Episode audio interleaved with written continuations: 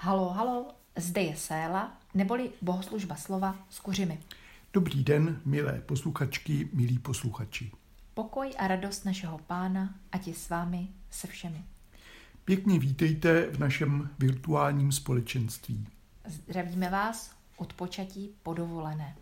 Doufáme, že se vám daří také dobře. Každopádně vám to ze srdce přejeme. Kež by k tomu přispěl i tento náš pořad, aspoň trochu. Bůh nás zve k něčemu nesmírně a nepředstavitelně krásnému. A toto pozvání sebou nese obrovské šance i rizika. Je to zkrátka na nás příliš, příliš krásné. Ale Bůh nás tím nechce těsit, ale pořádně potěšit.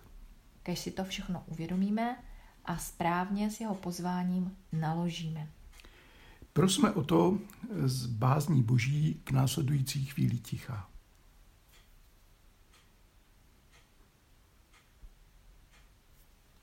Pane, smiluj se. Kriste, smiluj se. Pane, smiluj se. Modleme se. Bože, ty se s námi dělíš o všechno. Prosíme, ať nás tvá rozdávající se láska vede a stále více nás přetváří do podoby, v jaké nás chceš mít na věky.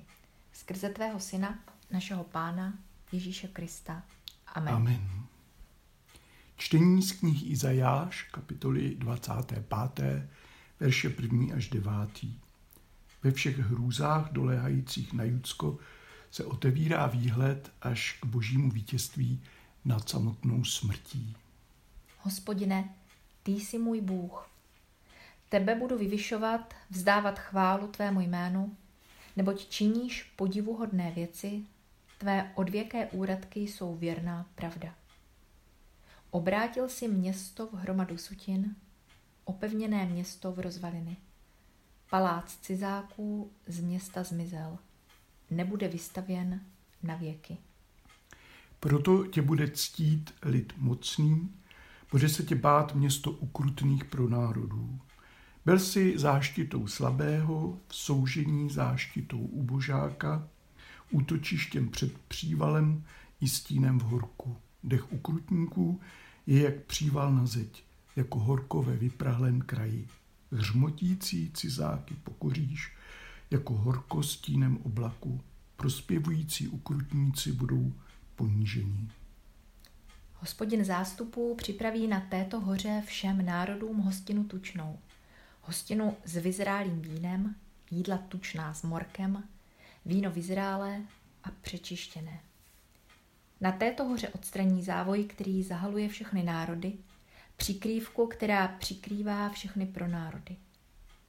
Panovník hospodin provždy odstraní smrt a se třes slzu z každé tváře. Sejme potupu svého lidu z celé země. Tak promluvil hospodin. V onen den se bude říkat, hle, to je náš Bůh. V něho jsme skládali naději a on nás spasil. Je to hospodin, v něhož jsme skládali naději. Budeme jásat a radovat se, že nás spasil. Amen. Amen. Nyní se modlíme žálm 23. Žálm Davidův. Hospodin je můj pastýř, nebudu mít nedostatek. Dopřává mi odpočívat na travnatých nivách, vodí mě na klidná místa u vod. Naživu mě udržuje, stezkou spravedlnosti mě vede pro své jméno. I když půjdu do klíšeré smrti, nebudu se bát ničeho zlého, vždyť se mnou si ty. Tvoje berla a tvá hůl mě potěšují. Prostíráš mi stůl před zraky protivníků, hlavu mi olejem potíráš, kalich mi po okraj plníš. Ano, dobrota a milosrdenství provázet mě budou všemi dny mého žití. Do hospodinova domu se budu vracet do nejdelších časů. Amen. Amen. Čtení z listu Apoštola Pavla Filipským ze čtvrté kapitoly. Bude to z závěrečných povzbuzení. Moji bratři, které miluji a po nich toužím, jste mou radostí a korunou. Proto stůjte pevně v pánu, milovaní. Eudí domlouvám, i Syntyché domlouvám, aby byli zajedno v pánu. Ano, i tebe prosím, můj věrný druhu, ujmi se jich. Vždyť vedli zápas za evangelium spolu se mnou i s Klementem a ostatními spolupracovníky, jejichž jména jsou v knize života. Radujte se v pánu vždycky. Znovu říkám, radujte se. Vaše mírnost, ať je známa všem lidem. Pán je blízko. Netrapte se žádnou starostí, ale v každé modlitbě a prozbě děkujte a předkládejte své žádosti Bohu. A pokoj Boží, převyšující každé pomyšlení, bude střežit vaše srdce i mysl v Kristu Ježíši. Konečně, bratři, přemýšlejte o všem, co je pravdivé, čestné, spravedlivé, čisté, cokoliv je hodné lásky, co má dobrou pověst, co se považuje za ctnost a co sklízí pochvalu. Čemu jste se u mne naučili, co jste přijeli a uslyšeli i spatřili, to čiňte. A Bůh pokoje bude s vámi. Amen. Aleluja, aleluja, aleluja, aleluja, aleluja, aleluja. Čtení svatého Evangelia podle Matouše z kapitoly 22 o pozvání na královskou svatbu. A Ježíš k ním znovu mluvil v podobenstvích. S královstvím nebeským je to tak, jako když jeden král vystrojil svatbu svému synu. Poslal služebníky, aby přivedli pozvané na svatbu, ale oni nechtěli jít. Poslal znovu jiné služebníky se slovy Řekněte pozvaným, hele, hostinu jsem uchystal, bíčci a krmný dobytek je poražen, všechno je připraveno, pojďte na svatbu. Ale oni nedbali a odešli. Jeden na své pole, druhý za svým obchodem. Ostatní chytili jeho služebníky, potupně je stírali a zabili je. Tu se král rozhněval, poslal svá vojska, vrahy zahubil a jejich město vypálil. Potom řekl svým služebníkům, svatba je připravena, ale pozvaní nebyli hodní. Jděte tedy na rozcestí a koho najdete, pozvěte na svatbu. Služebníci vyšli na cesty a zhromáždili všechny, které nalezli, zlé i dobré. A svatební síň se naplnila stolovníky. Když král vstoupil mezi stolovníky, spatřil tam člověka, který nebyl oblečen na svatbu. Řekl mu, příteli, jak se sem dostal, když nejsi oblečen na svatbu? On se nezmohl ani na slovo. Tu řekl král sloužícím, svažte mu ruce i nohy a uvrhněte ho ven do temnot. Tam bude pláč a skřípění zubů. Neboť mnozí jsou pozváni, ale málo kdo bude vybrán. Amen. Amen. Ke stolu, prosím. Milé sestry, milí bratři, v dnešním čtení bychom mohli nadepsat titulkem Velké pozvání, případně Velké pozvání k velké hostině. V Evangeliu to byla přímo královská svatba. A to se nestává často. Hostina eh, je tu symbolem, chcete-li obrazem nebeského království. Boží království jako slavnostní trachtace. Víte, že v Bibli jde při hostině hlavně o takové to radostné až bezstarostné bytí pospolu.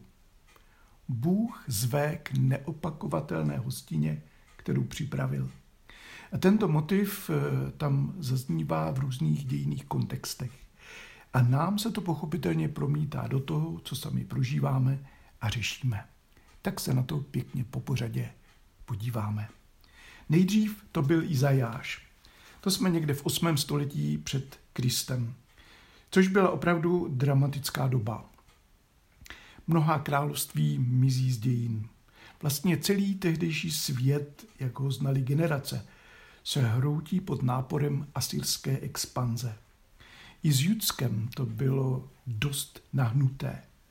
V jistém smyslu se tehdy odehrával konec světa. Hrozná doba. Tolik nejistoty, tolik bezmoci, tolik násilí, nespravedlnosti a nenávisti. A do toho ještě všechny ty fámy. Dnes bychom řekli fake news, hrozná doba. Brr. Na tomto pozadí o to víc vyniká Izajášovo slovo jako něco neuvěřitelného. Totiž, že hospodin je pořád pánem Izraele i celého tehdejšího světa. Bůh Abrahamův, Izákův a Jákobův. On a nikoli Asířané. A to není nějaká manipulace s neúprostnými fakty, ani útěk před děsivou realitou. Tady mluví prorocké poznání. Prosvěcuje dění až do té největší hloubky. A tam se ukazuje, že moc nespočívá ve zbraních ani v silné armádě. Tedy nic proti ním. I my dnes poznáváme, že je potřebujeme. Ale rozhodnutí o cestě, kterou se budou ubírat dějiny, padají jinde. Na jiném místě. To je mm, jedno z tradičních, i když méně častých opisů božího jména. Jiné místo. Původem je to z knihy Ester, čtvrtá kapitola, čtrnáctý verš, ekumenický překlad tam má odínut, ale doslova je z jiného místa. To je Bůh skrytý a přece přítomný, jako jediná alternativa. Jak je úlevné vědět, že toto jiné místo pořád existuje. I v takové strašné době, jako byla ta Izajášova, najdeme záchranu jinde. I v takové době má smysl spoléhat na toho, kdo vyvedl Izrael z egyptského otroctví. Tak to je. Ovšem, ono se to ukáže až zpětně. Ty jsi byl, hospodine, skutečnou pomocí.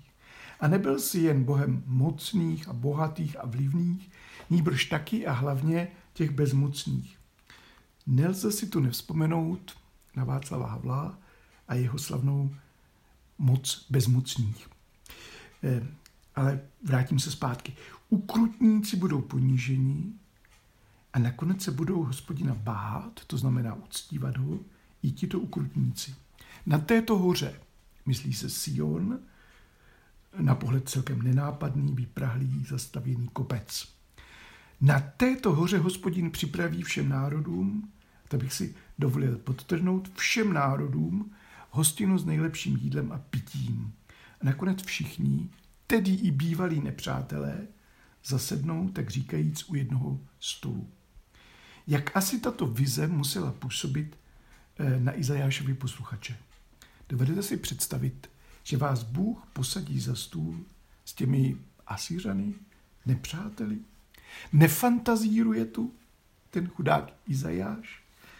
A my bychom si k tomu pochopitelně mohli dosazovat své nepřátelé podle naší zkušenosti a naší doby.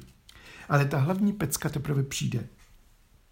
Bůh sejme potupu svého lidu a taky deku ležící na národech. A všichni poznají pravdu a ta je osvobodí. A taky hospodin přemůže smrt. Tady je písmo, řekl bych tak dětský, krásně názorné a dramatické. Nemýlím-li se, a já si to teda ověřoval ve slovníku, doslova tam stojí, že hospodin smrt, ano, spolkne. Tu, která požírá všechno živé, zvláště za války, Bůh vezme, udělá chlamst a bude to. A kde je smrti tvá morová rána, podsvětí, kde je tvůj smrtící žár? A dovolte ještě jednu poznámku k Izajášovi. Slyšeli jsme tam něco o cizácích. Těmi se nemyslí prostě cizinci všeobecně. Žádnou xenofobii tam nehledejme. To jsou cizinci agresoři. Ti, co přišli vyhlazovat. Ty hospodin zastaví a přemůže. Agresoři už nebudou. To je to poselství.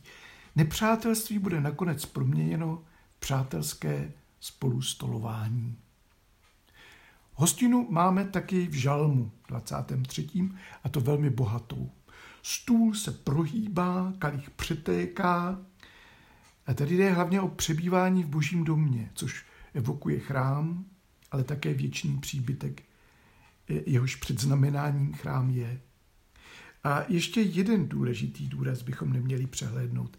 Žalmista, to znamená Mesiáš, tu hoduje před zraky nepřátel. Nepřátelé si mohou nenávidět a kout pikle, ale to nikterak neumenší boží péč. Naopak, Proto se žalmista nebojí. Neovládne ho strach. Nebezpečí ta budou a hrozná. Bude muset projít roklí stínu smrti. To je strašné místo. Tam na vás doslova sáhne sama smrt. Představte si to studené šaro nebo nějaké nebezpečné místo, kde, eh, které je plné hrůzy, tak ani tam se žalmista nemusí bát. I tam ho bude živit Bůh. Ve vší té hrůze o to víc ještě vynikne hospodinova životodárnost a dobrota. A je tu epištola. Tam se sice nic o hostině nepsalo, ale o božím království ano. Jak se má boží zpráva promítnout do našich každodenních životů a vztahů? Všechno záleží na našem přijetí. A smíme doufat, že nám přitom pomůže sám Boží duch. Ale naše přijetí Boží duch nebude suplovat. To je jen na nás. Rozhodneme-li se, on nám pomůže. A z toho, co Bůh dává, se můžeme radovat, netrápit se starostmi a nebýt na sebe ani na ty druhé naštvaní. A taky můžeme být mírní a vůbec všechno to, jak to tam Apoštol píše. Tady bych měl malou poznámečku o té mírnosti. Vaše mírnost buď známa všem. Úplně doslova tam svatý Pavel píše o epikii. Eh, to je takový specifický pojem antické aristotelské etiky. Ehm, znamená něco jako laskavou či rozumnou střícnost v nároku na druhé, nebo plnění norem nejen podle litery, ale podle ducha. Tedy pak by smyslem Pavlova výroku bylo něco jako ať vás lidé poznají jako ty, kdo neodsuzují druhé, ale snaží se pochopit jejich jednání v jejich kontextu. Budete-li takto jednat, poznáte přítomnost a tedy působení Boha pokoje přímo mezi vámi. No a v Evangeliu k nám zaznívá hostina jako součást podobenství. Původními adresáty jsou tehdejší židovské autority, ale poznat se v tom pochopitelně může kdokoliv.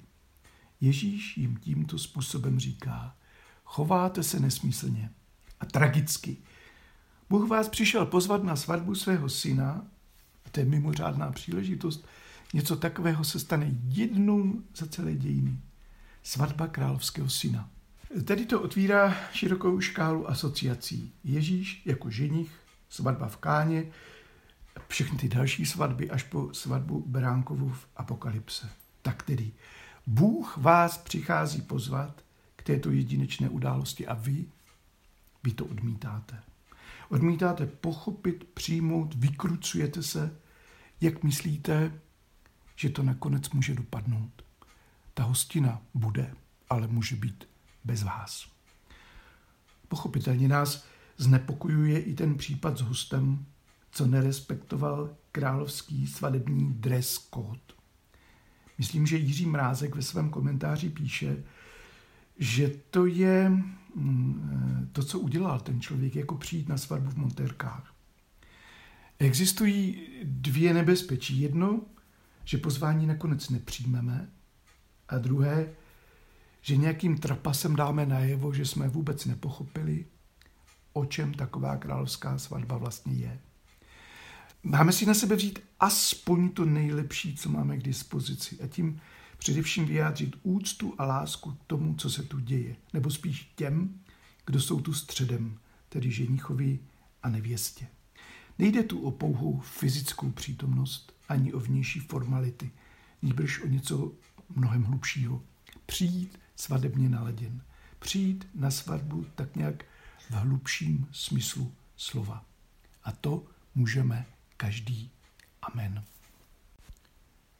Sestry a bratří, po vzbuzení božím slovem modleme se nyní za všechny a všechno, neboť Bůh je dobrý Prosme za všechny křesťany i za sebe, abychom nepřestávali toužit po jednotě a usilovat o ní. Amen. Amen. Děkujeme za pestrost tvé církve, celého lidstva i všeho stvoření a prosíme, aby všechno to bylo podle tvých záměrů obnoveno a sjednoceno pod Kristovou vládou. Amen. Amen. Prosme za hlubší porozumění evangeliu i znamením této doby. Amen. Amen. Prosme za církev, aby se stávala skutečně nemocnicí pro všelijak zraněné a vysílené, i oázou a místem spočinutí pro unavené a bezradné. Amen. Amen. Prosme za nová povolání, aby lidé správně rozpoznávali, k čemu je Bůh zve. Amen. Amen. Prosme za budoucnost života na zemi a za ty, kdo přijdou po nás. Amen. Amen. Prosme za vláhu pro sprahlou zemi, vyschlé prameny a potoky, za trpící rostliny i zvířata.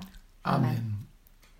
Prosme za ty, kdo se netěší ze spásy, ale hledají jistotu jen v tomto světě a vlastní spravedlnosti. Amen. Amen. Prosme za to, aby všichni lidé mohli žít v míru a svobodě, za smíření a překonání starých i nových sporů a rozdělení. Amen. Amen. Prosme za hlad po pravdě, za kritický rozum a schopnost rozlišovat a orientovat se v přívalu informací. Amen. Amen. Prosme za lidi, kteří se pro přemíru starostí, bolestí nebo neštěstí nemohou radovat. Amen. Amen. Prosme za ty, kdo nabídku boží zachraňující blízkosti odmítli nebo jí pohrdli. Amen. Amen. Prosme za oběti válečných konfliktů, násilí na Ukrajině, v Izraeli, Jemenu, Africe a kdekoliv jinde. Amen. Amen. Prosme za ty, kdo ztratili své blízké nebo své domovy v důsledku válek a živelných katastrof. Amen. Amen. Prosme za ty, kdo mají moc a vliv, aby měli ochotu a moudrost řešit současné problémy k dobru všech lidí a všech dalších tvorů na zemi. Amen. Amen. Prosme za blízké, přátelé, kolegy a sousedy, kteří s námi nezdílejí křesťanskou víru. Amen. Amen. Prosme každý za to, co nám působí starosti, o co usilujeme a po čem toužíme. Amen. Amen. Pane, ty jsi dobrý a milosrdný, ty provázíš všechny a nabízíš jim své společenství. Děční za bohatství tvých darů k tobě společně voláme. Otče náš, který, který jsi v nebesích, posvíť se jméno Tvé, přijď království Tvé, buď vůle Tvá jako v nebi, tak i na zemi. Chléb náš vezdejší dej nám dnes a odpust nám naše viny, jako i my odpouštíme našim vinníkům. A neuveď nás pokušení, ale zbav nás od zlého, neboť Tvé je království, i moc, i sláva, na věky. Amen. Duchu svatý, dárce života, voláš nás a vedeš k tomu, co žádné oko nevidělo ani ucho neslyšelo a pro co nemáme ani správná slova. A my jdeme za tebou. Trochu se bojíme tvého neznáma, ale jdeme. Přijměme nyní požehnání. Nechť vás Bůh posiluje ve všech zkouškách a nejistotách, i radostech a jistotách. Nechť se vám dává poznat a naplňuje vás nadějí, důvěrou a radostí. Požihnej vás všemohoucí Bůh, Otec i Syn i Duch Svatý. Amen. Amen. Choďme ve jménu našeho Pána, Bohu, Bohu díky. díky. A už tu máme opět čas rozloučit se. Těšilo nás, milé posluchačky, milí posluchači, být takto pospolu. Doufáme, že se nám v tomto eh, bytí pospolu zase aspoň trošku pootevřelo Boží slovo. A my z něho mohli spolu poznat zase další střípek Boží lásky. S přáním vyjádřeným před chvíli požehnání se s vámi loučí Markéta a Petr Šanderovi. Šanderovi. Mějte se všichni dobře. Tak pěknou neděli a celý týden. A za týden opět naslyšenou. naslyšenou.